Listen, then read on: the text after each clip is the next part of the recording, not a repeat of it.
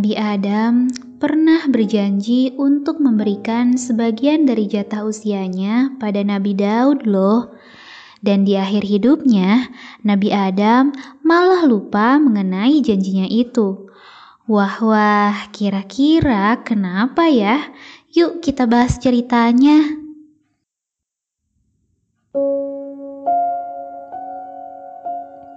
Assalamualaikum teman-teman, apa kabar nih?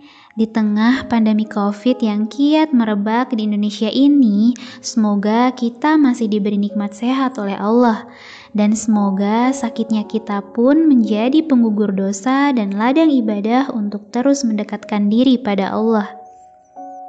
Pada dasarnya, manusia diciptakan untuk beribadah, maka dalam keadaan sakit maupun sehat, Masing-masing dari kita punya cara dan porsi tersendiri untuk terus dapat beribadah.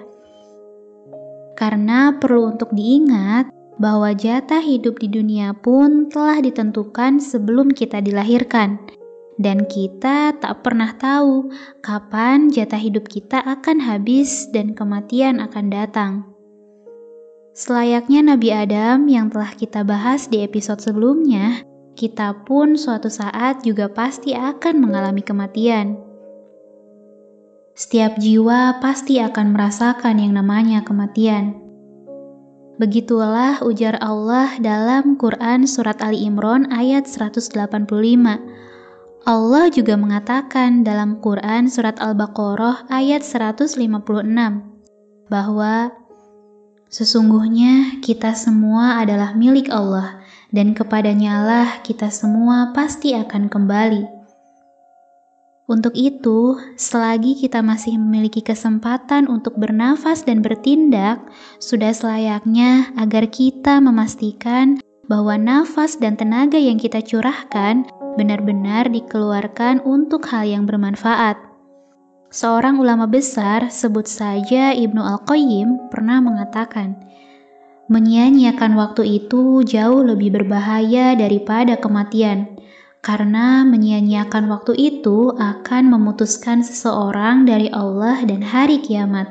Sementara kematian hanyalah memutuskan seseorang dari kehidupan dunia dan penghuninya. Oh ya, Ngomong-ngomong soal kematian nih, cerita yang akan aku bawain kali ini juga nggak jauh-jauh dari soal kematian. Di episode 29 ini, kita masih membicarakan mengenai hal yang berhubungan dengan kematian Nabi Adam. Tanpa berlama-lama lagi, yuk kita mulai ceritanya. Alkisah Dahulu, setelah Nabi Adam diturunkan ke dunia, Allah pernah memperlihatkan pada Nabi Adam semua anak cucu keturunannya loh. Dari Abu Hurairah At-Tirmizi pernah menceritakan bahwa Rasulullah pernah bersabda, Setelah Allah menciptakan Adam, dia mengusap punggungnya hingga berjatuhanlah dari punggungnya setiap jiwa atau ruh manusia. Allah lah pencipta setiap jiwa dari keturunan Adam tersebut sampai hari kiamat. Allah juga menjadikan kilatan cahaya di antara dua mata setiap manusia. Selanjutnya Allah memperlihatkan mereka kepada Adam. Adam lalu bertanya, "Wahai Tuhanku, siapakah mereka itu?" Allah berfirman, "Mereka adalah keturunanmu." Saat itu Adam melihat salah seorang dari mereka memiliki kilatan cahaya yang paling terang. Beliau merasa kagum dengan kilatan cahaya yang ada di antara dua matanya itu. Adam lantas menanyakan mengenai orang yang menarik perhatiannya itu. "Wahai Tuhanku, siapakah orang itu?" Allah berfirman, "Ia adalah anak keturunanmu, Daud." Adam bertanya lagi, Ya Tuhanku, berapa umurnya? 60 tahun, jawab Allah. Mengetahui jika ruh yang paling bersinar dari yang lainnya itu hanya memiliki usia 60 tahun, Adam lalu berkata, Ya Tuhanku, tambahkanlah umurnya. Allah tidak menerima permintaan Adam begitu saja. Allah lantas memberikan penawaran pada Nabi Adam. Tidak, kecuali kalau aku menambahnya dari umurmu, kata Allah. Adam ternyata menyetujui penawaran dari Tuhannya. Ketika itu, telah ditentukan bahwa umur Adam adalah seribu tahun. Adam lalu memberikan 40 tahun umurnya untuk Daud. Allah mencatat hal itu baginya sebagai suatu ketetapan dan disaksikan oleh para malaikat. Setelah membuat perjanjian penambahan umur untuk Nabi Daud, Adam menjalani kehidupannya di dunia dengan baik. Ketika umur Adam sudah habis, malaikat maut datang menemuinya.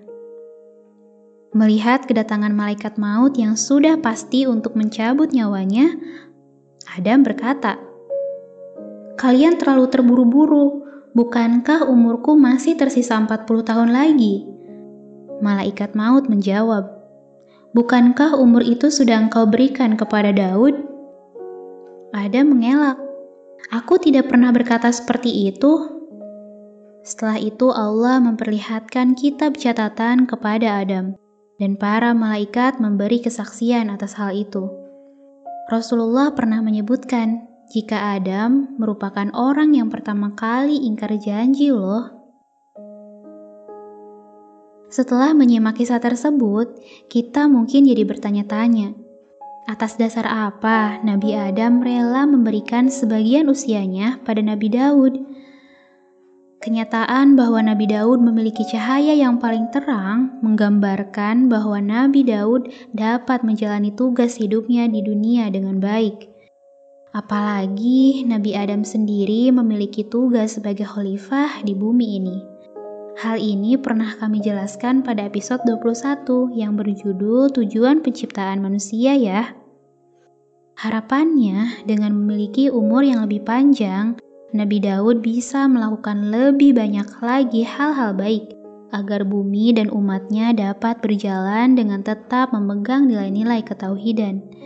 Dan hal yang dapat dilakukan Nabi Daud itu telah memenuhi tugas Nabi Adam sebagai khalifah di muka bumi. Nabi Adam sendiri juga mengetahui bahwa setelah di dunia ada kehidupan yang sangat lebih panjang di akhirat kita akan kekal di akhirat kelak. Jika Nabi Adam bisa menggunakan sisa umurnya sesuai tugas kekhalifahannya, Nabi Adam tentu saja bisa mendapatkan 40 tahun yang lebih nyaman dan menyenangkan di akhiratnya. Dari sini, kita juga belajar bahwa keberkahan umur terletak pada kegunaannya. Jika umur yang panjang justru digunakan untuk hal yang sia-sia dan malah mengesampingkan Allah, maka bukankah akan lebih berat pertanggungjawabannya? Teman-teman, dari kisah ini kita juga diingatkan kembali untuk tidak menganggap remeh ketetapan yang pernah kita ucapkan. Ucapan Nabi Adam untuk memberikan sebagian usianya pada Nabi Daud benar-benar dipegang teguh oleh Allah Allah bahkan memiliki buku catatan sebagai bukti dan malaikat-malaikatnya sebagai saksi. Pada saat kita berjanji pada orang lain pun, Allah akan melakukan hal yang sama. Janji yang kita ucapkan akan dipegang teguh oleh Allah. Apalagi setiap saat ada malaikat di kanan dan kiri kita untuk mencatat setiap perbuatan yang kita lakukan. Jika kita sengaja tidak menunaikan kewajiban janji kita di dunia, Allah pasti akan menagihnya di akhirat kelak. Lantas, dengan apa kita akan menebus janji kita di akhirat?